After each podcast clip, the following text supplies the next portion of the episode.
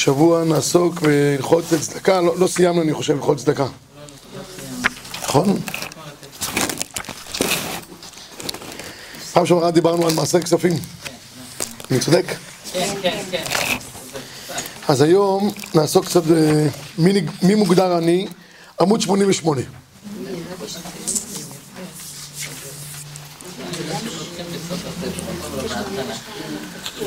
פעם שעברה אמרנו וחילקנו שיש הבדל בין צדקה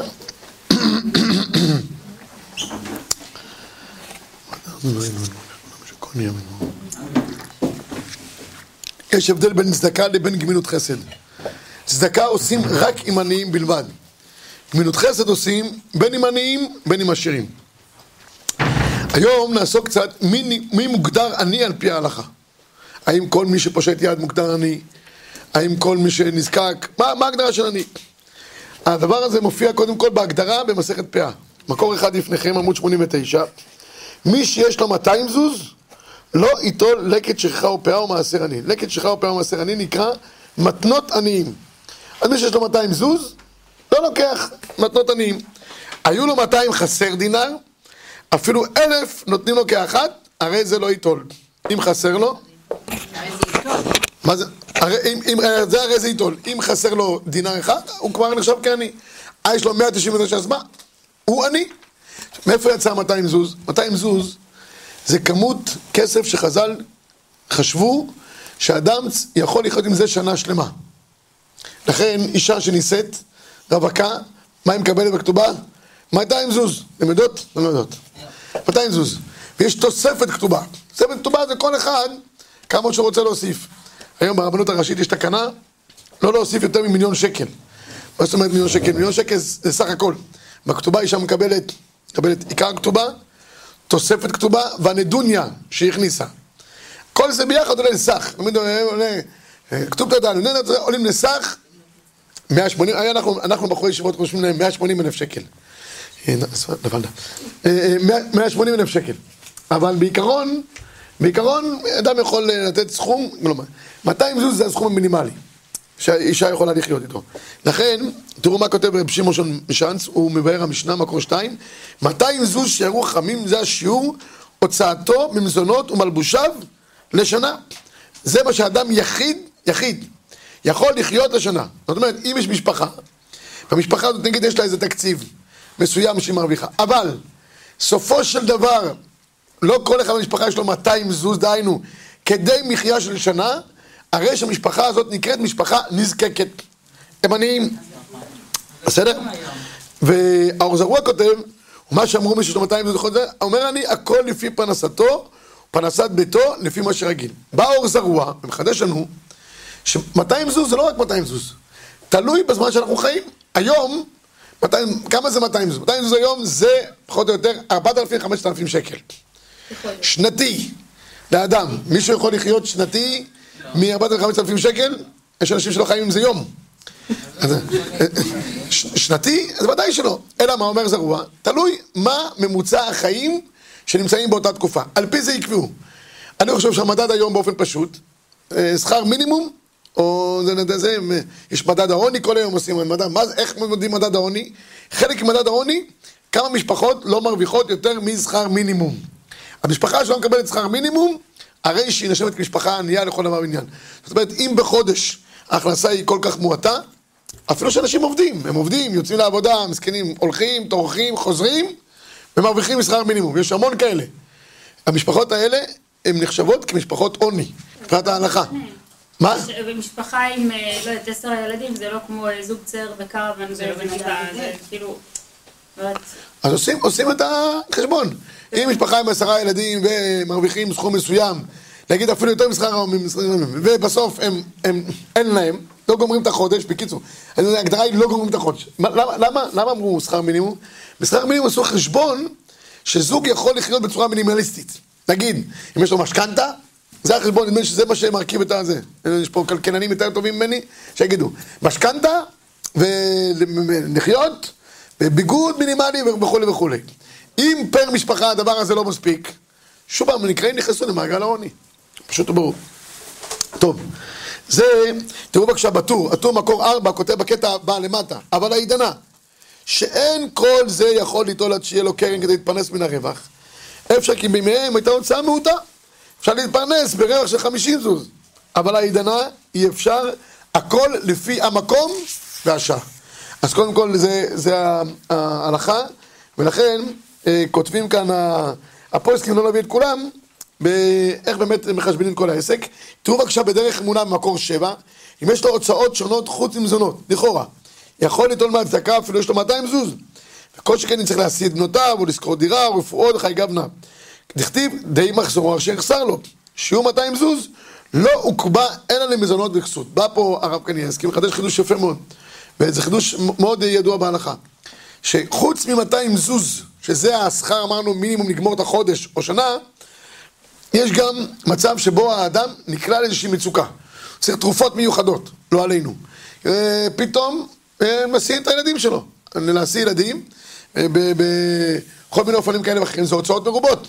זו הוצאה בלתי שגרתית. הוצאה בלתי שגרתית מיוחדת, גם עושה את המשפחה ענייה, לצורך העניין, הגם שביומיום הם מסתדרים מבחינה כלכלית. בסדר? זאת אומרת, יכול להיות שהם מרוויחים יותר משכר מינימום. אפילו משכורת יפה. זוג מורים. זוג מורים מרוויחים, מרוויחים, יכולים לפרנס משפחה. אבל עכשיו, ברוך השם, מתחתנים להם שני ילדים בת אחת, עם כל ההוצאות, כל זה, יכול להיות שזה כבר נחשב, שוב, שנכנסים למעגל העוני, מבחינת ההלכה. בסדר? אני אומר, כל אברך באשר הוא, הוא עני. אברך שיושב ולומד, לפי המנגש שהם מקבלים, לפי ההוצאות שיש להם, כל אברך ביסודו הוא עני, אלא אם כן הוא הבן של רוטשילד, ורוטשילד לא ייתן לבנים שלו להיות אה, אברכים. אבל, אבל בעיקרון זה, זה דבר שהוא פשוט. כי אברכים הם חיים במצוקה, הם חיים באמת במינימום של המינימום. טוב, עד כאן ההגדרה של אני בזמן שלנו. אז כמו שסיכמנו, ישנם שני אפשרויות היום שיהיה אנשים שנחשבים כעניים לכל דבר ועניין.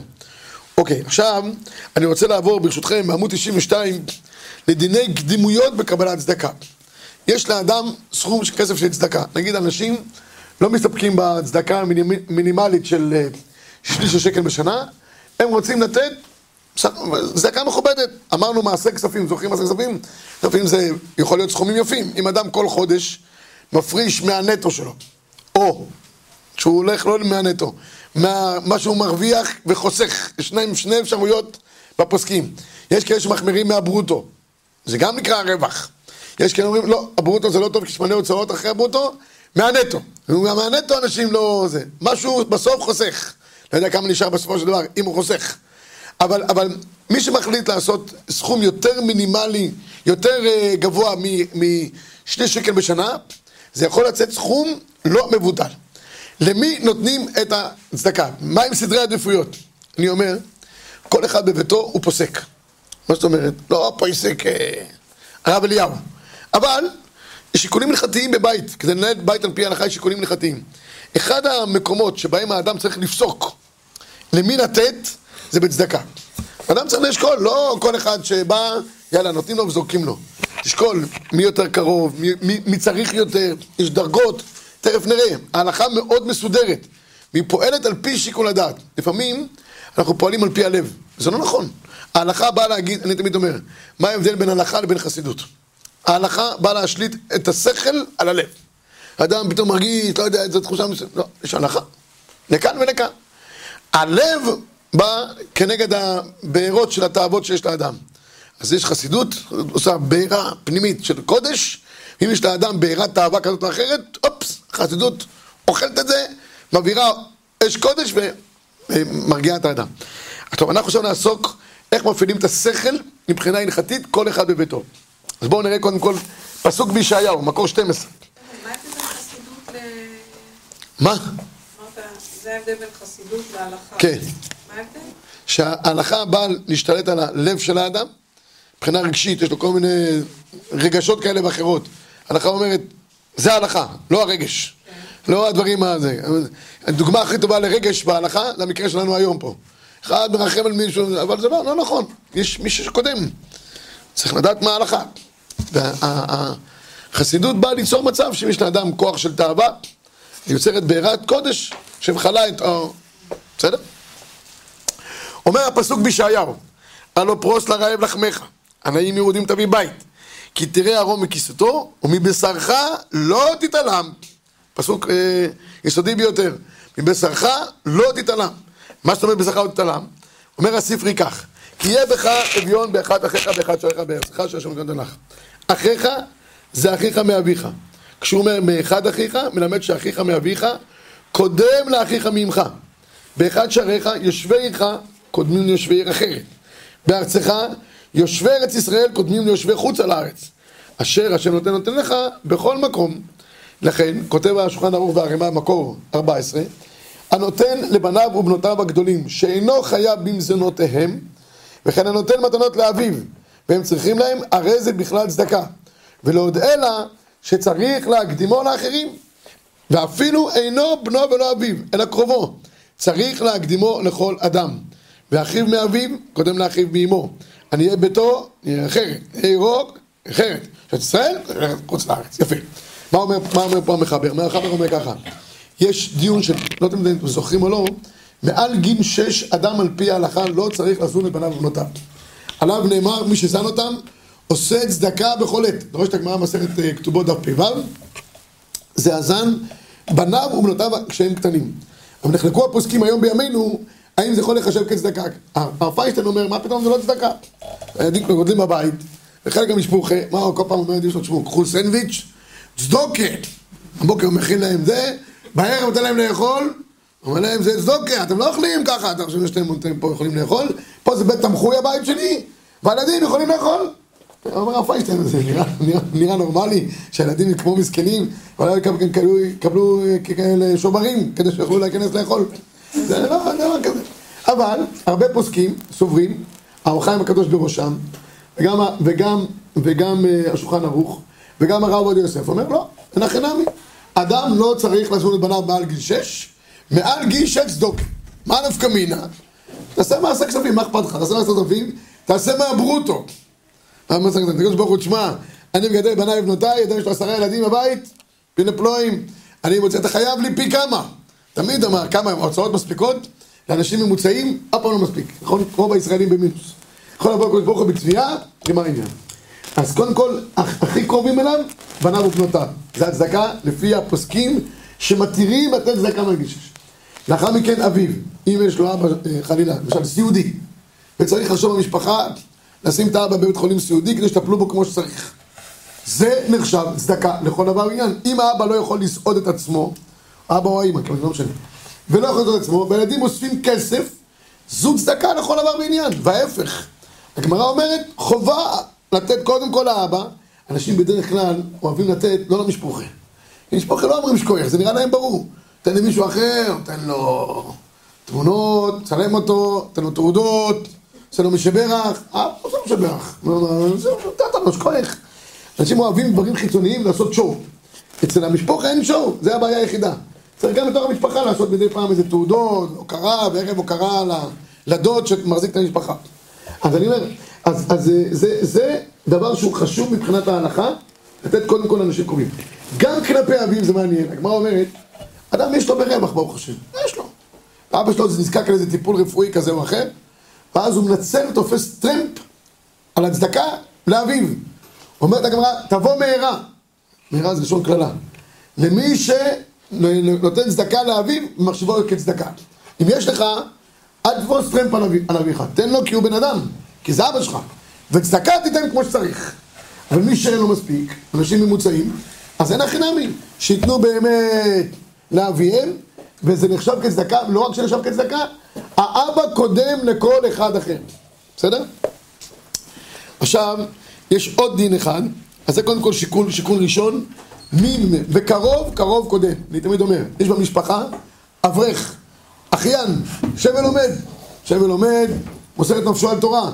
אתה הולך, מחזיק עשר אנשים אברכים, משפחה שלך להחזיק אברך מהמשפחה שלך, זה הדבר הכי אידיאלי.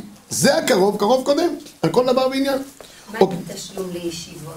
אז זהו, תשלום לישיבות זו שאלה טובה, ואני אם עסקנו בזה או לא, אני כבר לא זוכר מה עסקנו בזה, אבל תשלום לישיבות ככה. באופן עקרוני, זה נקרא כמו חנקלת בניו ובנותיו, במחלוקת של הפועסקים.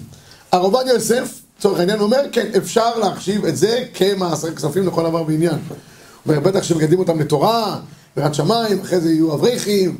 והוא אומר, הרב עובדיה אפילו חידש משהו יותר מזה. הוא חידש שמי שעושה תוכנית חיסכון לילדים, על מנת שיגדלו ויתחתנו ב... ויגדלו בתורה, יישארו בכהנים וכולי, גם ישר כמעשר כספים. גם, גם בנים וגם בנות, זה לא משנה. ה... אוקיי. עכשיו, נעבור לעוד דיני קדימויות, לא אה, רק אה, בתוך המשפחה, נ, נ, נלך טיפה הלאה. אומרת המשנה מסכת הוריות, מקור 15. האיש קודם לאישה לאחיות ולהשיב אבדה, והאישה קודמת לאיש לכסות ולהוציאה מבית השבי. אז כן, אז אם זה להצילו ממוות, אז האיש קודם. אבל אם זה כסות וצדקה, האישה קודמת לאיש.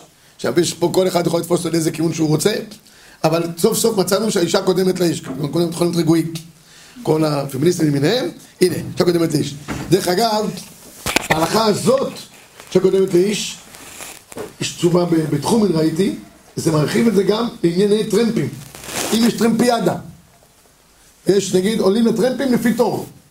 האישה הגיעה האחרונה, האישה עולה ראשונה. זה הלכה. זה הלכה, הלכה, הלכה פסוקה. אישה, אישה לא מחכה בטרמפים. בטח אם היא אימא לילדים וכולי, אבל גם לא משאירים אישה בטרמפ לבד, במקום כזה. זה בגלל להוציאה מבית השבי. מה זה מה? זה להוציאה מבית השבי, מאיפה גוזרים את זה? לא. זה להוציא אותה מזה של, של זקה, שאישה לא צריכה להסתובב ברחובות, סתם אם היא לא, אם היא צריכה, צריכה. אבל לא, וגם יש עוד סברה מפני הסכנה. אישה תעמוד לבד, זה לא דבר שהוא אה, נכון וראוי. בקיצור, מה שאני רוצה להגיד לכם, תור תור, אבל גם שיקולים הלכתיים. זה השיקול הלכתי, שלא משאירים אישה אה, לבד. ומה אוקיי. זה להשיב אבדה? מה? על- הגבר. הרי יש קודם לאישה להחיות ולהשיב אבדה. כן, אז להשיב אבדה, אה, אה, אה, האיש חייב יותר מהאישה, כאילו. הוא, אם יש עכשיו מי ישיב את האבדה, האיש או האישה, האיש ישיב את האבדה.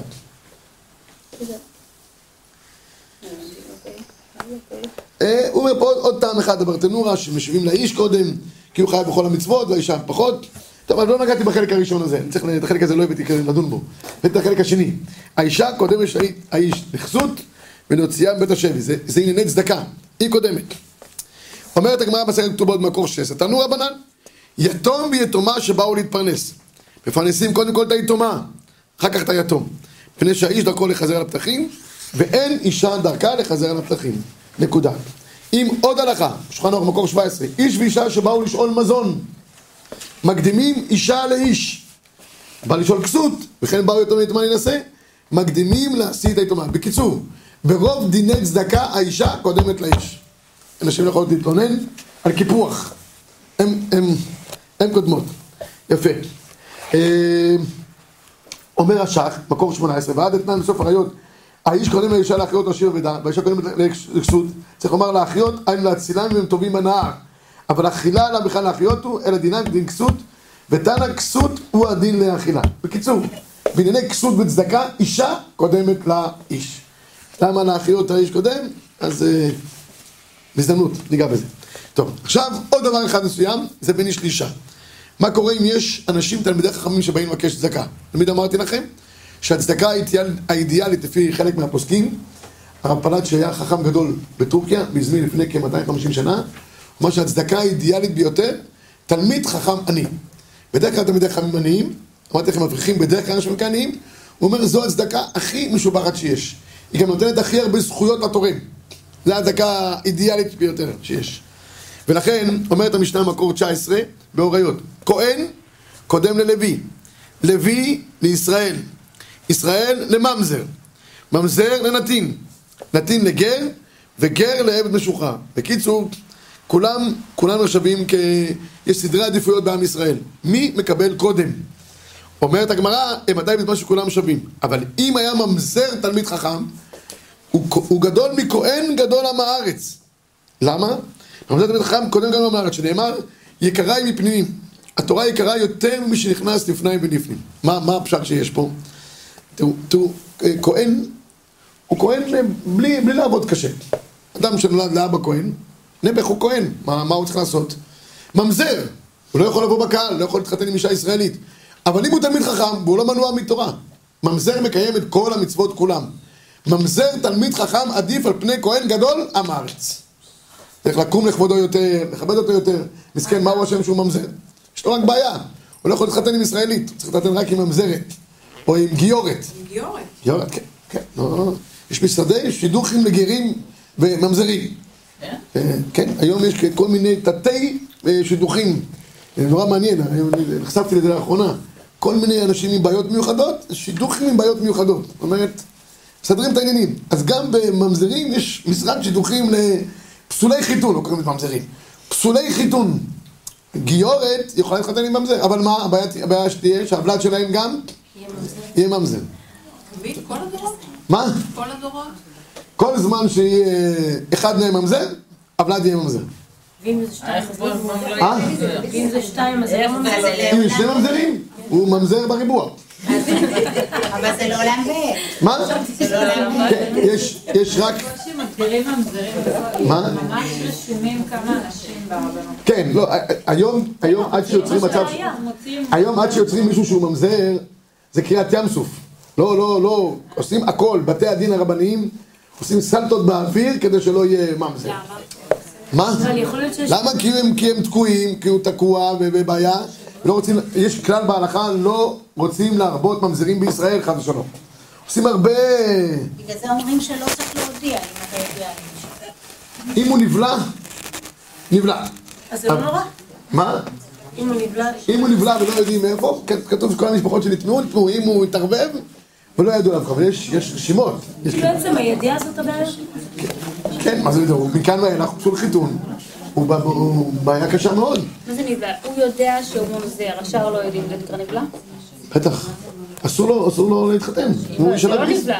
מה? הוא. לא נבלע, הוא יודע. אבל אם הוא לא יודע ואנחנו לא זה, אז ירבבו אותו, ירבבו אותו. אה, כן, אני אומר, מה אמרת? רציתי להגיד שבתי הדין הרבניים עושים הכל כדי שלא להרבות חלילה ממזרים בישראל, כי זה באמת... אה, אה, רציתי להגיד שממזר, אחרי שהוא ממזר, כי, כי יש אפשרות דרך אגב, יש גמרא בקידוש שאומרת, כסף מתאר ממזרים. כסף יכול לתאר ממזרים. איך כסף יכול לתאר ממזרים? אם ממזר התחתן עם, עם, אה, עם אה, שפחה, כנראה שפחה, הפייס תמיד זה כאופציה. הוולדות שלהם יצאו עבדים, שחרר אותם, ברגע שהוא משחרר אותם, נכנסים לתוך הקהל, נגמר. זה כסף מתאר, זה ככה כמו אומרת, כסף מתאר ממזרים, כסף פותר הרבה בעיות, גם ממזרים היום יכולים לפתור. מה? היום אין כזה. תאורטית היה יכול להיות, הרב פייסטון מביא את זה כאופציה. אבל אני אומר לכם כ... אבל איך אפשר לצאת מהממזרות אמרת? אמרת ש... הנה זה, זה, זה הדבר הזה. זה הדבר הזה? זה הדבר הזה. ההורים לא יצאו מזה, הוולדות, גם לא. כן, זה בסדר. גם לא, איך הם יצאו? למה לא? אם הם- אם הם זה, אם לקח שפחה, קנה, קנה אישה, שפחה, הילדים יוצאים עבדים, שחרר אותם, נגמר. טוב, היום זה תקף? תיאורטית. לא יודע איך עושים את זה למעשה, אבל תיאורטית. אני אומר, למה ממזר תלמיד חכם גדול מכל... כי ממזר תלמיד חכם, כדי להיות תלמיד חכם, הוא עבד קשה. והתורה, הוא שייך לתורה. יכול להיות- יכול להיות פויסק, יכול להיות תלמיד חוכם. לא, הוא עבד יותר ממה שכהן שלו תלמיד חכם. וכהן גדול עם הארץ, והיו כהני- כהנים, כהנים גדולים עמי ארצות לצערנו הרב. 200 שנה בסוף חורבן בית שני, הכהנים הגדולים היו עמי ארצות. אתם יודעים כמה היו עמי ארצות? כתוב במשנה מסכת יומא, שכהן גדול בליל יום הכיפורים, אם יודע לקרות קורא, ואם לאו מקרין אותו. אתם שומעים? אנאלפביתים הם היו. אבל למה? כי מה לעשות, הוא נולד לאבא כהן. ואין לו. מספרים שאחד הגיע לרב, ואמר לו, כבוד הרב, אני רוצה להיות כהן. מי שלא כהן, לא כהן. אמר, אני אשלם לך כסף. חמשת אלפים שקל. אומר הרב, זה לא ילך. עשרת אלפים שקל לא ילך. עשרים אלף שקל. בסוף אמר לו, חמישים אלף שקל, תעשה אותי כהן. הרב אומר, טוב, אני אעשה אותך בשביל חמישים אלף שקל. זה כבר בלטן שחית. אז עשו סעודה גדולה, ובאמצע הסעודה, אומר לו הרב לכהן, תגידי, מה הצ'וק שנכנס לך להיות כהן? אומר לו הרב, אני אגיד לך את האמת, אין לי שום עניין. פשוט סבא שלי היה כהן, אבא שלי היה כהן, לא נעים לי גם אני לא להיות כהן. זה כל העניין. זה הם מקבלים את זה באופן אוטומטי, זה לא, זה לא, זה לא חוכמה. ולכן, נפקא מינה, הגמרא אומרת מאיפה לומדים את זה? מכהן זה. עכשיו, תראו בבקשה בשולחן ערוך ב-21. היו לפניו עניים הרבה, ואין בכיס כדי לפרנס ולכסות או לפדות את כולם. צריך עכשיו שיקול הדעת, למי אנחנו נותנים קודם? אין מספיק לכולם.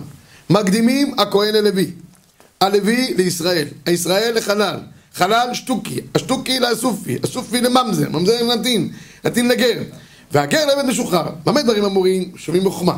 אבל אם היה אחד מהם ממזר תלמיד חכם, כהן גדול הוא עם הארץ, ממזר תלמיד חכם, קודם, בכל הגדול בחוכמה, קודם לחברו. ככה אנחנו אומרים. יפה, יש עוד כלל בהלכה, שבמקור 22, המשל בן לוי אומר, כסות אשת חבר וחיה עם הארץ, כסות אשת חבר. יש כלל בהלכה, אשת חבר כחבר. אשת תלמיד חכם, יש לה מעמד מסוים לכמה דברים, כמו התלמיד חכם בעצמו. ולכן אם יש אשת חבר, נגיד אפילו בעלה נפטר, אבל לדברים מסוימים יש לה עוד פריבילגיות כאשת הרב, הרבנית, הרבצנו, יש לה רבנית, ויש לה לדברים כאלה ואחרים, יש לה גם זכויות כאלה ואחרות. אוקיי, אה, הרימה גם פוסק את זה להנחה, אשת חבר כחבר, בואו נסיים רק במקור אה, 24. אמר רבי אבא זרדה כהן נותן מתנותיו לכהן אחד מביא רעב לעולם, שנאמר וגם יראה יראה הכהן דוד. דוד היה כהן לכולן מלא, אלא שם שקר לו מתנותיו, וכתיב בתרי, ויהי רעב ימי דוד.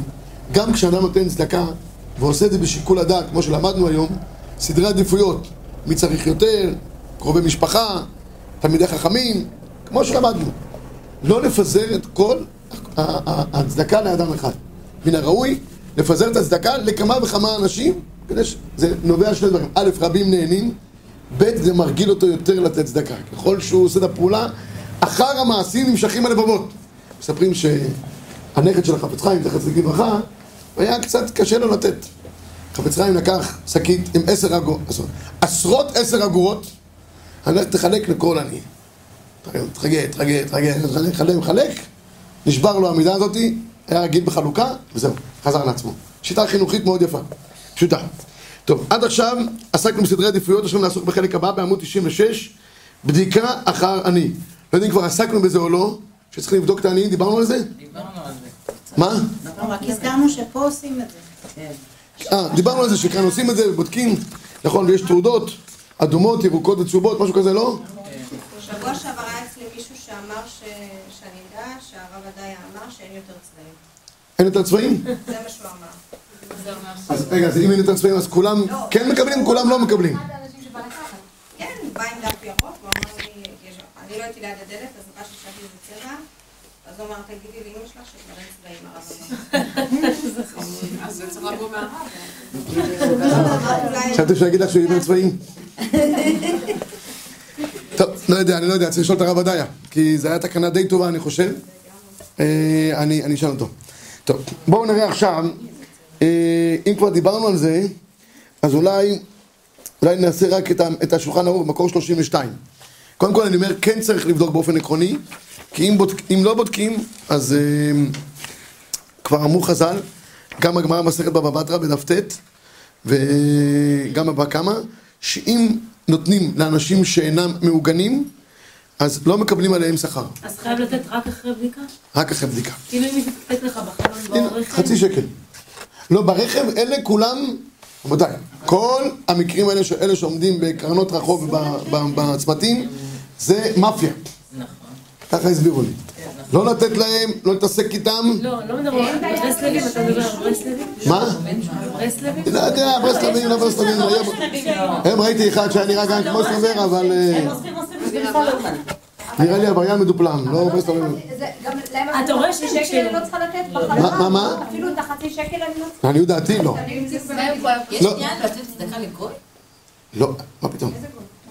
כתוב שלא, נות- אלא אם כן, יש דבר אחד, אם זה בולט שאת לא נותנת לו, מפני דרכי שלום. מפני דרכי שלום. אבל כעיקרון לא נותנים צדקה לגוי. אלא אם כן דרכי שלום, רואים שפתאום את נותנת לכמה עניים והגויית אומרת לו אתה לא. זה- זה לא צורה, זה לא דרך. אם אתה רואה שהבן אדם שאומר לך הוא מסכן, איך את רואה שהוא מסכן? לא, את נראה מסכן, אתה רואה אותו כבר שנים באותו צומת, כי זה השנים באותו צומת הזה בעבודה מצוינת. הוא מוזר יש מאוד. אחד שעומד בצומת אה, זה. דבילי, יש אחד עם זקן, נו, מה. אתה יודעת אבל מה המטרה? מה עם הזקן? אבל זה רבותיי, כל הפושט יד נותנים לו. אם זה עבריינים, מאיפה אנחנו יודעים? זה החשבונות שלהם. אלה שעומדים בצמתים בדרך, אלא אם כן יש, יש אחד בכניסה לבני ברק, הוא, אנשים רוצים לך לתת לו, הוא באמת יהודי, נראה לי, אני יודע, אני מכיר אותו, אבל הוא ירא שמיים, הוא מברך, לא משנה כמה את נותנת. הוא לא, יש, יש ירוק, אתה לא יכול לנסוע. הוא בתוך האוטו, עושה לך משברך. אבל, אבל, אבל רוב, רוב, רוב האנשים שעומדים, אני עושה לישיבה כל יום, יש שם אחת קבועה כבר מאז שאני עושה כבר כמה שנים, אותו חולי, אותו קרטון, תחליף את הקרטון קצת, תרענן, שום דבר, אותו קרטון, אותו סיפור, אותו דבר, זה לא, לא, לא, אני לא נותן אפילו חצי שקל לאלה, אלה רמאים, שלרמאים לא נותנים אפילו חצי שקל, סתם אדם שלא יודעים, פושט יד נותנים לו. אבל איך אפשר לדעת? נראית מסכנות. תשמעי, זה, לא, יש פה, אני אומר לך, זה, הסבירו לי אנשים, זה לא מסכנות ולא זה, זה שרלטנות של עבריינים. זה צמתים. אמר לי מישהו, תנסה להעמיד שם מישהו אחר במקום, תראה מה שיהיה איתו. יש להם אזורי, יש להם אזורי מחיה. במקומות שהרב עדיה לא נמצא, אוקיי? מה אנשים יעשו? אבל איך, אז צריך לבדוק. אתה עכשיו תתחיל... אז אבל את לא יכולה לבדוק. מי שלא בא עם אישור מסורה מסודרת, ואת רוצה לחפש איפה איפה לתת, יש מספיק בעלי צדקה פה ביישוב, בעלי צדקה ביישוב שיודעים על משפחות מסכנות באמת, יש אנשים שהם אה, מארגנים את זה. משפחה, מקרוב משפחה אומר לי, אני צריכה להגיד לו, תביא לי את התלושים שאני אבדוק אותך קודם? לא, לא, לא, תשמעו, רבותיי, לא צריך כל דבר לעשות אה, אה, דוקטורט על כל אחד. אה, תלושים, ותביא לי חשבוניות. תשמעו, יש, יש שני מצבים. לא, לא צריך פה. לא, אבל כתוב שצריך לבדוק, אם לא, אז אתה כאילו עושה, זורק לפח, אז לא, לא, מה? רגע, אני רוצה להסביר. אני מתכוון, אני אומר בדיקה, לא צריך פה עכשיו להיכנס להם לוורידים. הכוונה הכוונה היא פשוטה, הכוונה היא שיודעים, יש משפחות שאנחנו יודעים שהם אומללים. אני אומר, עוד פעם, אני, אני, בתוך עמי אני אוכל שווה. אתם אברכים שבאים להתחנן על 200 שקל אצל מישהו. אה, הורידו 200 שקל, או צריך... זה, זה עניים, זה עניים, לא צריך לבדוק, מה אני צריך לבדוק עכשיו? מי השוור שלו, תביא לי בבקשה מה השוור שלך מרוויח, מה הספיגה שלך מרוויחה, מה... הוא אברך, הוא מקבל אה, 2,000 שקל בחודש, השכירות עולה לו מינימום 3,500 שקל בחודש, תעשה חשבון אם הוא עני או לא עני, הוא עני מרוד. זה מה שאני אומר, זה אנשים שאנחנו יודעים, אברכים, תלמידי חכמים, או, או משפחות שנמצאות באמת במצוקה עם, עם כמה וכמה ילדים. יש דברים שהם ברורים וידועים. מה שלא ידוע, ואת לא יכולה לבדוק, ואת לא עכשיו במשרד מבקר המדינה לבדוק כל אחד מה לא. תני לו שקל אם הוא נורמלי, ואם הוא לא נורמלי גם שקל אל תתני לו. אם הוא גנב או רמאי וזה ידוע וברור, לא לו אפילו שקל, חבל על השקל הזה. זה לזרוק אותו לפח. עדיף אולי. כי בסוף הוא יקנה בזה לא יודע מה, וככה אל תעזרי לו לקנות כל מיני דברים שאת יעשו אותו. מכור באמת, כן, מכור, נאמר, באמת, אז לא? לא. אתה רואה אותו אלכוהוליסט. אז מה, נראה לה שאת צריכה לתת לו? למה את חושבת שכן? אם הוא מכור, באלכוהוליסט, ומסומם, ולא יודע מה. צריכים לתמוך בו? צריך לשקם אותו. זה כנראה שקשה למשטרה, שיעשו לו שיקום. למה אתה נותן צדקה? זה אין בזה שום היגיון, רבותיי, זה מה שאני אומר לכם, תפעילו את השכל בענייני ע- עבריינים, מסוממים, אלכוהוליסטים, לא יודע, מכורים כאלה ואחרים. שתי סטירות, שילכו לטפל בעצמם ויפסיקו להרוס את החברה שלנו. זה פשוט ברור נראה לי הדבר הזה. לא צריך, צריך, צריך להפעיל שכל, לזה. זה דוגמאות אחד מסכן, אז, אז לא, באמת לא, לא, לא שייך. אמ, אז איפה, איפה, היינו? במחבר. אמרנו ככה, אחד בא ואומר, דרך אגב, אני חייב להגיד רק מילה אחת, יש משפחות שכן מרוויחות יפה, לא יודעות להתנהל, ונכנסות לחובות. שם שוב פעם, זה לא, כאן זה לא בעיה של צדקה, זה בעיה של התנהלות. מכניסים פעמונים, לא יש ארגונים, שהם אה, יושבים איתם, מארגנים אותם, והם יכולים להתפרנס בצורה מכובדת. יש להם כבר את הכסף, רק לא יודע, אני הכרתי כמה וכמה משפחות כאלה, לא יודעים לנהל כלכלה ביתית בצורה מחושבת. זורקים דברים, נותנים לילדים מה שהם רוצים, מפזרים כספים, אה, קונים שטויות, לא יודעים להתכלכל, נכון, יש אנשים שעוזרים. שם יש מצווה לתת צדקה? לא יודע, אם הם מגיעים למצב קריטי שאין להם מה לאכול בשבת, כן, ויש כאלה אנשים. שמרוב שהם לא מנוהלים נכון, הם לא יודעים מה לאכול בשבת. אבל מצווה לתמוך בהם כדין עניים? לא. מצווה לשלוח להם את פעמונים, אם הם מסכימים, בדרך כלל הם גם לא מסכימים, ושינהלו אותם, נכון? ואם הם לא מעוניינים להכניס את הפעמונים, לעניות דעתי לא צריכים לתת להם צדקה, כי הם פושעים. צריך, צריך שיקול הדעת בכל דבר. מי שמקיים את ההלכה מתוך, אה, מתוך רגשות פנימיות, חיוביות אפילו, אז הוא לא, לא תמיד עושה את רצון השם באמת, אז מה, מה עשינו? חבל. אמ, כן, הנה, תראו 32, שולחן ערוך מפורש. מי שאמר האכילוני, אין בודקים אחריו אם הוא רמאי. אלא מאכילים אותו, מיד. היה ערום ואמר כסוני, בודקים אחריו אם הוא רמאי. אם מכירים אותו, מכניסים אותו מיד. ואם הוא רמאי, אז מה, ניתן לו משהו? לא. אתה רמאי? שתי סתירות. וכתוב ב-33, בריטב"א, מה ידמיין תראה למכניס אותו, כשיראה לך, לא בערום לגמרי, אלא שאינו לבוש כראוי. עכשיו, אני מסכם את- השיעור של היום בדברי הרב עוזיאל, הראשון, אה, הראשון לציון, נדמה לי הראשון לציון, הראשון במדינת ישראל. אה, אה, סליחה, פה, פה מדובר בהרב עזר, עזר, התבלבלתי לגמרי, סליחה.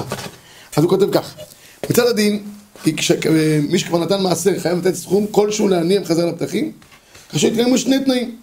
להערתך, אתם רואים? סכום כלשהו. המבקש באמת עני הראוי צדקה, חסרים לו דברים בסיסיים והוא לא מסוגל להתפרנס בכבוד. הוא טרח לבוא לביתך, לדפוק על הדלת, כך שבסירוב יש משום השפלה. כאשר התנאי השני חסר, דהיינו, מקבץ נבות ברחוב כנסת, גם פתחי בתים, אבל לא עבור עצמו אלא עבור אחרים, אין חובה לתת גם את ההתחשבת שבקשתה מוזקת. בכל מקום, לתת סכום כלשהו. זה מה שאני תמיד, אתה לא יודע, אל תשבור את הראש, אל תתחיל לעשות פה חקירות שעות, תן כלשהו ונגמר העניין. כאשר תנאי הראשון חסר, דהיינו שלפי תמותה, יש ספק האם הוא זכאי זכאי. אין צורך לתת. אם הוא, אתה חושב שהוא רמאי, לא לתת להם. יוצא מכל זה המקרה הנדיר שמישהו אומר שהוא רעב כעת, במקרה כזה יש להציע לו אוכל או כסף לקנות אוכל ללא בדיקה, אלא אם כן ברור שהוא רמאי. מי שברור שהוא רמאי, אז פשוט ברור שאנחנו לא מתעסקים עם רמאים ופושעים וכאלה. טוב, כאן הוא ממשיך, כבר אמרנו את הדבר הזה לגבי ועדות צדקה, זה הדבר האידיאלי ביותר שיש. סיימנו הלכות צדקה, בשבוע הבא בעזרת השם אנחנו נתחיל אה, הלכות כיבוד ארבעים, בעזר השם. כן. יש, אה, סתם, נתקעו אצלנו בבית, כנראה ביקשו את בעלי, לא יש לו. קופת צדקה. קופת צדקה שישים בבית. משהו של ברסלב. קופת צדקה אצלכם בבית ב... יש- כמה, יש איזה ארבע, חמש לא אצלנו בבית. ברוך השם. יש איזה עניין כאילו ש... זה, זה, יש שם של מוסד? אין יש, כאילו, תורת החיים, חב"ד. מה שנכנס לתוך קופת, למשל תורת החיים או חב"ד, חייב להגיע לחב"ד או תורת החיים. כן, אבל יש משהו שאנשים פרטיים מגיעים, נגיד... יש אחד שהוא ב... שניים של... אה? יש קופה בלי שם של מישהו? אז זה את יכולה לחלק מי שאתה רוצה. את יכולה להוציא משם את לעניים שמגיעים. את שואלת אם מישהו מביא לך קופת צדקה, חייבת- האם את חייבת לתת לו? לא יודעת, אני אומרת, יש אנשים שכנראה פגשו את בעלי הביאו לו קופת צדקה, והם כל פעם מגיעים אלינו הביתה ספציפית, והם לוקחים את זה. הקופת צדקה הספציפית הזאת, כן. זה זכותם. כן, זכותם. גם כשנכנס לרשות קופה מסוימת של ישיבה מסוימת, אתה צריך להגיע לאותה ישיבה. את לא יכולה פתאום להגיד, אוקיי, יש ישיבה אחרת, ניתן לה. גמרנו. זה נכנס כאילו לחצר הישיבה מבחינתך. אם זה קופ- קופות פרווה, יש קופות צדקה בבית, יש קופות שקונים אותן בצורפים. כן, קופות קופות זה צדקה, או יש קופה של ילדים, שאני כל מיני... זה, לא מישהו ספציפי, תעשי את זה מה שאת רוצה. תחלקי את זה לצדקה, אבל למי שאת רוצה. ברור. טוב, עד כאן הלכות אה, צדקה, ואני מקווה שקדוש ברוך הוא לא יכשיל, וכשקדוש ברוך הוא לא מכשיל אותנו באנשים שאינם הגונים, אז זה זכויות גדולות העניין של הצדקה. המחבר קובע, המחבר בהלכות צדקה כותב בהתחלה, לא יוצא אף פעם דבר רע מהצדקה. שנאמר, והיה מעשה הצדקה, שלום. גם אם נותנים למישהו. מה? לא שמעתי. גם אם נותנים למישהו בעייתי. נכון. אם הרצון היה טוב. אם נותנים למישהו, בעייתי, כאילו מישהו שלא מגיע לו. לא אמרתי את זה, זה את אמרת. לא יוצאים מזה, לא בעייתי? אם את לא יודעת, מסופקת, אולי יש לך כן חצי זכות. חצי שאלה. היום רוב הצדקה זה בכלל גיוס תרומות של אדסטארט או כל מיני... בסדר, אבל זה הולך למוס- למוסדות תורה. לא, לא, לא רק מוסדות תורה, אפילו מישהו נשרף לו הבית, פותחים לו פרויקט אה. בסדר, זה מצוין. את זה אתה לא יכול לבדוק, אתה צריך כאילו להאמין. אז מה, את נותנת למישהו, אם- אם אומרים שמישהו נשרף לו הבית ואני לא לא ראיתי ולא שמעתי, לא מכיר אותו, אני לא אתן. כן, מה זאת אומרת? אבל עץ... היה פיגוע, אה, היה פיגוע נרצח... אה, אבל את יודעת, את יודעת משפחה, הקימו- הקימו- הקימו עמותה מסודרת. התפרסם שמקרה אחד מישהו עשה את זה, לקח פה כסף לעצמו. ברור, מה- מה- מה- מה מה את מביאה ראייה שאני צודק? לא. לא, אני אומרת, אי אפשר, כאילו, אין לזה גבול לא לבדוק. יש, כן? תשמעי, יש עמותות מסודרות, יודעים שיש עמותה, מרגישים, בכוונה שלנו זה מספיק. מה, מה, מה? אנחנו מרגישים שהוא רמאי, זה מספיק הכוונה שלנו. כן. כאילו זה מספיק. שחררי אותו. יש מספיק אנשים לא רמאים שצריכים. אם אין לך ברירה ונשארו רק הרמאים, נדבר. אפילו לא לזרוק לו, כאילו לא לזרוק לו זה לא. המצב בינתיים. ממש אפילו לא להביא לו שקל, כאילו. אם הוא רמאי, את, מסייעת בידי עוברי עבירה. אחד שלא צריך ונותן הוא גזלן, רבותיי. הוא גזלן. אתם רוצים לעזור לגזלנים? תעזרו לגזלנים, כל הכבוד לכם. תפתחו את הפשע בארץ. אז את לא יודעת, תני לו שקל ותשלחי אותו. את יודעת, את תני לו כלום. זה הכל, זה החילוק. לא יודעת, תני לו חצי שקל שקל. את יודעת שהוא רמאי? תגיד לו, תתבייש לך, לך איתו. זה לא בשביל לתת למישהו חצי שקל? אני מתביישת לתת אז תני לו שקל. גם שקל, אתה ממש... תני לו שקל וחצי, לא יודע. נעשה מכרז. עד שתרגיש שאת מרגישה טוב. אני מרגיש שזה בסדר גמור, אם אני לא יודע מי זה. טוב, אני, רגיל לסיים את הלכות צדקה בסיפור. שגם קצת אורחים וכל זה גם צדקה. מספר את זה רבי שמואל הנגיד. שמואל הנגיד מספר שהיה איזה יהודי, היה מתפרנס בכבוד. אבל היה לו קופץ את ידו, קשה לו. טוב, היה מתפרנס בכבוד, היה עובד כל יום כמה שעות, העסק שלו היה מוצלח מאוד, היה אדם עשיר. בצהריים היה מגיע, אשתו כל יום הייתה מכינה לו ארוחת צהריים, בדד, עוף, זה, כל מיני סלטות וזה וזה וזה. טוב, ואחרי זה הלך לישון, מנחמה ירים, מחובר. יום אחד הוא הגיע לאכול ארוחת צהריים, איך שאשתו כבר הביאה לו את הארוחה עם העוף וכל ה... גם צמאיסי מסביב, יש דפיקות בדלת. מה אשתו, מי זה? מגיע איזה עני אחד. מה הוא רוצה? הוא רעב. הוא הניח פה אוכל. שלא יפריע לנו עכשיו. אנחנו אוכלים, רוצים פה שקט. היא אומרת לו, תשמע, מסכן, אולי מפריע עכשיו, אני בדיוק רעב, עכשיו באתי מהעבודה, אני רוצה לאכול. תעצבן. אבל אני מסכן, מתחנן לנפשו.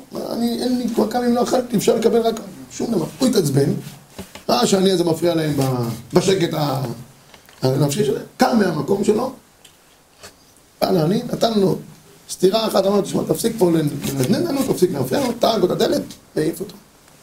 טוב. חזר, אכל את הפולקה שלו עם כל הקישקל, הכל בסדר. אבל מאותו יום, ה- העסק שלו התחיל לדרדר. כל יום דרדר, דרדר, דרדר, דרדר, הגיע עד פת לחם ממש, השם ירחם. טוב, ראה שהגיע לכזה פת לחם, לא יוכל לזון את אשתו. אדם, אדם לוקח את עצמו, לזון אותה. אז הוא אמר תשמעי, מצטער מאוד, הגעתי לכזה מצב, נתגרש. התגרשו. טוב, התגרשו, מסכנים, והייתה אישה טובה, אישה חכמה, מאוד כאב לה מה איך שבעלה התנהג. עכשיו, אחרי כמה זמן שהיא נשארה ככה לבדה, אז אה, איזה גביר אחד, שמע שהאישה הזאת היא תלויה, שלח אליה כדי להתחתן איתה. טוב, אז אה, באמת הסכימה. אישה חכמה, טובה וזה, הסכימה. הכניס אותה להמון, המון מלכים. כל טור היה שם. טוב, אז הם, זה, הוא היה, דרכו בקודש היה אותו דבר. כל יום, עובד כמה שעות, והגיע לארוחת צהריים, שלופים, עם חמאים, ככה, מתפרנס בכבוד, הכל טוב יפה. יום אחד הכין לו גם ארוחת צהריים שלו, את המנה שלו והכל, דפיקות בדלת. טוב בדלת, אומר לה מי זה? אני. אני, הגיע מסכן, מה רוצה? אין לו מה לאכול. לקח את המנה שלו, המנה שלו החמה, כל מה שהכין לנו עכשיו, הוא רעב, בא מהעבודה. לקח את הכל, אמר לו, קח, תאכל, ניתן לך עוד, שמנו גם פיתה על רקים, שמו בתוכו גם פיתה, עם כל הזה בתוכו, גם לא שיאכל את זה כמו שצריך. אשתו נכנסה, היא ראתה שהוא נתן לו והכל, התחילה לבכות. מה את בוכה? היא אומרת לו, היהודי הזה שבא לבקש את הזה, זה היה בעלי הראשון. אז הוא אומר לה, באמת, אחרי שהוא זרק אותי ככה מהבית בביזיון, מאותו יום, כל יום העיר, העיר מזלי. הלכתי וגדלתי וגדלתי. והוא כל יום הלך וזה, ככה חזר בעולם, היא התחתנה בסוף עם אותו, עם אותו בעל, שהיה... זאת אומרת, בסופו של דבר, מה שאני רוצה להגיד, שאדם שעושה טוב, הקדוש ברוך הוא בסוף מחזיר אותו באופן כזה או אחר. אדם חלילה עושה שלא כדי בית, ולפעמים רואים, רואים דברים בעולם ולא מבינים, אבל לפעמים אפשר לדעת מה קורה, מה קורה מסביב. טוב, נתחיל בחלק האגדתי, אה, נתחיל אותו היום, בשבוע הבא אני מקווה שכבר יהיה דף מסודר לכולם, שתוכלו לראות את הדברים בפנים. יש גמרא מסכת תענית, גמרא מסכת תענית מספרת כמה וכמה סיפורים על אנשים, כל פעם ניקח איזה סיפור אחד, על אנשים שהיו נראים הכי פשוטים שבעולם, זאת אומרת, לא אנשים שנראים למדבבניקים, יש כאלה שנראים למדבבניקים והם גם מכריזים שהם למדבבניקים. כמעט יש להם פה אה, שלט. והם נסתרים, והם נסתרים. אבל יש אנשים, יש אנשים שבאמת, באמת, הם באמת, אפילו בעצמם לא חושבים שיש להם מעלה כזאת, כזאת יתרה. הרב מספרת שהיו מסתובבים בתוך השוק, במקום שווקים, לא בית מדרש, לא מקומות כאלה יוקר... פשוט היו שווקים, מקום שבטים. והיה הולך רבי בן לוי עם אליהו הנביא, ותגיד לי, מי פה בשוק הוא בן העולם הבא? אז לא משנה, יש כל מיני סיפורים כאלה ואחרים, אני אספר לכם עכשיו סיפור אחד. עד אחי ואחי, עטו אנח תרי. באו שניים בשוק. עכשיו, כשהגמרא מספרת שהגיעו שניים, הם נראים שלפרים כאלה, נראים הכי פשוטים שבעולם. אמר לי, אנח נמי בני עלמא דעתי. אתה רואה את השניים האלה? נראים לך שני כאלה, שלוחים כאלה? הם בני העולם הבא. אמר לו, מה יובדיו? מה אתם עושים? מה אתם, מה זה, מה? אמרו לו, אין שבדוכי אנן, אנחנו אנשים בטחנים, מבטחינן הציבי. אנחנו רואים אדם עצוב, אנחנו זורקים לו איזה בדיחה, מסמכים אותו. אינמי, כי חזינן ביתרי דית לאו תקרא בעדיו, תרחינן ועבדינן לאו שלמה. אנחנו רואים שני אנשים רבים ביניהם, אנחנו עושים להם שלום. זה כבר, עכשיו תשמעו, כשאנחנו אומרים מי הם בני העולם הבא, לא מדובר פה, כל ישראל יש להם חיי העולם הבא. כולם, אני מדבר, מדברים פה בגמרא, המהר"ל כותב, על מעלה יתרה בעולם הבא, מדרגה מיוחדת במינה. אז הגמרא פה אומרת, כן, אם יש כאן אה, שניים כאלה פשוטים, הם בני מעלה יתרה. הם נקראים, בלשון החז"ל, בני עלייה. יש, העולם מתחלק לשניים. בני עלייה ובני בליעל. בני עלייה זה בני העולם הבא. בני בליעל שהם לא יכולים, הם לא יעל לעולם הבא, הם לא בני העלייה לעולם הבא. העולם מתחלק בין אנשים שבאמת יש להם מגמת חיים של עלייה, והעולם שלהם הוא עולם של עלייה ושלמות וגדלות. יש אנשים שהעולם שלהם עולם שפל. בכל מגזרי החיים שלהם, בכל צורת החיים שלהם, והם נקראים אנשי בני בליעל, זה מופיע המון בתנ"ך. בן בליעל. בן בליעל? הוא בלי יעל לעולם הבא, כך אומר רבנו בחיי. אז האנשים האלה, היה להם מדרגה יתרה להגיע לעולם הבא היותר יוקרתי שיש. מה, מה, מה הייתה מעלתם? שני מעלות הם היה להם. אחד, הם היו רואים אדם עצוב, אנה בת חנה, אז מספרים לו איזה בדיחה, מספרים לו בדיחה. ואם רואים שניים שהם רבים ביניהם, תרחינן ועבדין לנו שלום. הם טורחים ועושים שלום. למה שני הדברים האלה גורמים שהם יהיו בני העולם הבא? בסדר, אנשים שקצת זורקים בדיחות, הרבה אנשים זורקים בדיחות. אז מה, בגלל זה הם נהיים בני העולם הבא? הרבה אנשים עושים גישור, מישור, פישור בין אנשים, לומדים קורסים, זה, זה, זה, משלימים ביניהם שני אנשים.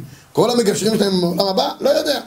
לקורסים ודאי יש כסף. בעולם הבא, למגשרים אני לא יודע אם יש תמיד. אז, אז למה, איך אנחנו באמת יכולים לדעת ששני הדברים האלה גורמים מעלה יתרה שהם נהיים בני העולם הבא, במדרגה הכי גבוהה שיש. אני אתחיל מאנה בת חני, לגבי הבדיחה, ואני אעבור אחרי זה לעניין של לעשות שלום בין, בין הבריות. תראו, לחיים יש כמה וכמה מישורים. יש אה, מישור בסיסי ביותר, שזה מגמת החיים הכי נמוכה שיכולה להיות, כמו בעלי חיים. בעלי חיים הם גם בעלי תנועה ותזוזה ו- ורצונות ותאוות וכולי וכולי. אז מה? זה נקרא חיים? כן, במידה מסוימת זה כן נקרא חיים. בעלי חיים, אפשר להרוג בעל חיים. זאת אומרת, ליטול את נשמתו. אבל ודאי שזה רמת החיים הכי נמוכה שיכולה להיות. ומכאן ואילך, כל הזמן יש מגמת חיים שיכולה ללכת ולעלות כלפי מעלה. וככל שהאדם מוסיף חיים בתוך החיים שלו, הרי שמגמת החיים שלו היא יותר עליונה. אומר המהר"ל, מי, מי נקרא בעל מעלה שהוא מוסיף חיים לחייו? אומר המהר"ל, ישנם שני צורות אנשים. אלה שדואגים רק לגופם ולחומריותם כל הזמן, הם בעלי חיים ברמה הנמוכה שיש. אלה שרוצים לפתח את מגמת השכל, החלק האלוקא ממעל, החלק הרוחני, הם בעלי חיים ברמה היותר גבוהה שיש. כי אלה שדואגים רק למצבם הכלכלי, החומרי, התאוותני, הם כמו בעלי חיים. ולכן אומר הפסוק בתהילים, נמשל כבהמות נדמו. יש אנשים שכל חייהם הם חיי בהמה, באופן כזה, חד ושלום, הם, הם מדברים, הם חושבים, מה שאין הבהמה יכולה לעשות. אבל מה מגמת החיים שלהם באמת? זה מגמת החומר. איך הם דואגים לבית שיהיה מקסימום הכי יפה, הרכב שיהיה הכי מוצלח, האוכל שיהיה הכי מעודן, כל הזמן ציר המחשבה הוא ציר חומרי לחלוטין. באספלקריה כמעט אותו דבר, זה גם מגמת חיים של בעל החיים. מה בעל חיים עסוק? 23 שעות מתוך ה-24 שעות שהוא שעה אם הוא יושן ביממה, חומר. הוא עסוק כל הזמן במאכלו ואשתו. הרבה מהאנשים זה, נכון, הם חושבים על לא סתם חומר, לא רק על קש ותבן שאוכל את הבהמה, הוא רוצה לאכול עם דובדבנים, הוא רוצה לאכול את זה עם, עם קצפת, אבל, אבל בסופו של דבר, החיים שלו מתקבצים בקצפת, מתקבצים בסטייק. הוא, האריה אוכל סטייק בלי, בלי מליחה, קמייתא ואחייתא והדחה, הוא אוכל את זה עם מליחה. בסוף שניהם אוכלים סטייק. זאת אומרת, אין כמעט הבדל בין, בין שניהם. אספר לכם סיפור. היה פעם בירושלים משגיח, אני זכיתי לשמוע ממנו כמה שיעורים, עד היום השמועות שלו מצלצלים לי, קראו לו רב שלום שפדרון. הוא היה משגיח בישיבת עץ חיים. עץ חיים זה ישיבה שגידלה בירושלים את כל גדולי ירושלים. כל... רב אברהם שפירא, ראש ישיבת מרכז הרב, היה אחד מגדולי ירושלים, הוא למד בעץ חיים. כל גדולי ירושלים. אז הוא היה משגיח בישיבה, משגיח בישיבה דואג לצדדים הרוחניים של הבחורים, לא ללימוד עצמו. אני זכיתי לשמוע ממנו כמה פעמים שיעורים, כל שיעור היה חוויה בלתי רגילה, זה היה תיאטרון, ממש הוא היה תיאטרלי, וכיוון שהוא היה כל כך תיאטרלי, אז אי אפשר לשכוח את הדברים שלו. הוא היה מספר סיפור, הוא היה מנגן ניגונים באמצע, וכל שיעור באמצע הוא אומר, רבי ישראל, רבי ישראל אני חייב לעצור, בדיוק ירד לי מן השמיים סיפור. כך מקובלני מרבותיי, שאם ירד לי סיפור אני חייב לספר לכם. הוא היה מספר אה, חצי שעה את הסיפור, הוא היה יודע לספר, סיפור שאני מספר חמש דקות, מספר אותו ארבעים דקות, וזה לא נורמל. אז הוא סיפר פעם, בתור משגיח, הוא אומר, הסתובבתי בין, ה... אה, בבית מדרש, בין הספסלים, הוא אומר, ראיתי תלמיד אחד שיש לו שאלות. נראה את זה, אני לי מהאוזן. יש לו שאלות. אמרתי לו, בחור, אני רואה שיש לך שאלות. אומר לו, נכון, הרב ראה טוב. אז הוא אומר, אולי תבוא אליי הביתה ונדבר. זה מה שעושה משגיח, גם בחור. טוב. אז כשבא אליו הביתה, אז הוא אומר, הבחור רצה לצאת מה, מהישיבה, לא יודע, ללמוד כל מיני דברים וכולי. זה לא היה לטעמו של הרב, של הרב שפטרון, היה יהודי ירושלמי, חרדי. אז הוא אומר, תשמע, אני מבין שיש לך הרבה שאלות. אבל אני אשאל אותך שאלה אחת. שאלה אחת. תגיד לי, מי חי יותר טוב? האדם או הבהמה? אומר לו, הרב, רציני? הוא רציני. תגיד לי, מי חי יותר טוב? האדם? מה זאת אומרת? בוודאי שהאדם. אדם מתלבש אותו מלבושים, זה אוכל, מעדנים, כל מיני דברים, שומנים, שמני הארץ, זרוב דגן ותירוש. האדם יש לו זה, מה בהמה חיה כמו איזה נמח כזאת ברפת, קחו ברפש, בתית. הרב שואל ברצינות, הוא אומר, אני שואל ברצינות. הוא אומר, לא. אומר, שלום, בסדר, ברור לך? אז אני, אגיד לך. תראה, אתה אוכל איזה מזון, אתה בודק לפני כן מתי פג תוקף? ואם לא שמת לב ואכלת, שתית חלב שפג תוקפו, לפני יומיים שלוש, או... אתה כבר חגיגה שלמה. אתה כבר לא יכול זה, לא יכול זה, לא צריך פה לתאר תיאורים. בקיצור, בלאגן שלם. זאת אומרת, ראית פעם בהמה שבודקת את ה... לא, לא, לא, אוכלת. הוא אומר, אתה הולך לישון. הוא אומר, כל מיטה נוחה לך, אתה עובר כבר לאיזה בית אחר, הולך להתארח באיזה מקום, הכרית ככה, מזרון ככה, זה ככה, אתה כבר לא ישנת, ככה. בהמה. נופלת, נגמר ישנת. ואתה קם בבוקר, עד שאתה מתלבש. וכמה זמן, פתאום המכנסיים רחוקות מהזה, וזה נקרא לך מכפלת, ואין כפתור, יש כפתור, וככה וככה, בסוף אתה אומר אין לי מה ללבוש, כל דרכם של הבריאות, וקיצור, ואתה מתעצבן, וכתם, אתה לא יכול להסתובב. הבהמה, קמה בבוקר עושה כמה? הולכת. מצגים, מה צריכה לעשות? מה היא לובשת היום? מה היא לובשת אתמול? מה היא אומרת? קיצור, על זה הדרך, והתחיל לעשות לו. פתאום הבחורצ'יק פרץ בבכי. הוא אומר, מה אתה בוכה? אני בוכה שאני לא בהמה. באמת, הוא אומר, אל תבכה, אתה בהמה. אם אתה באמת לא רוצה... בקיצור, למה הספרתי את זה? כי הזכרתי בסיפור הזה, שיש רמת חיים מאוד נמוכה. שהיא דואגת, וזה הרבה אנשים. כל עולמם זה רק החומריות שלהם. האנושים, מה הם אוכלים, מה, מה יש להם, מה אין להם. זה, וזה באמת תמצית חיים. אגב, יכול להיות שאפילו, אני אומר שחלק מהם אפילו יכול להיות שמתפללים, אבל באמת מה עומד בראש מעיינם? זה מה שעומד בראש מעיינם. זה צורת חיים מאוד נמוכה. מי שמוסיף חיים לחייו, דהיינו, מוסיף להם דברים של ערך. המהר"ל קורא לזה, הם בעלי השכל, ככה קורא להם. אנשים בעלי השכל. שהם רוצים דברים גבוהים, יש להם אידיאלים בחיים, יש להם חזון, הם, הם מסתכלים בדברים הרבה יותר רחבים. הם מגיעים למדרגת האדם, ובתוך מדרגת האדם אפשר להוסיף חיים בתוך חיים.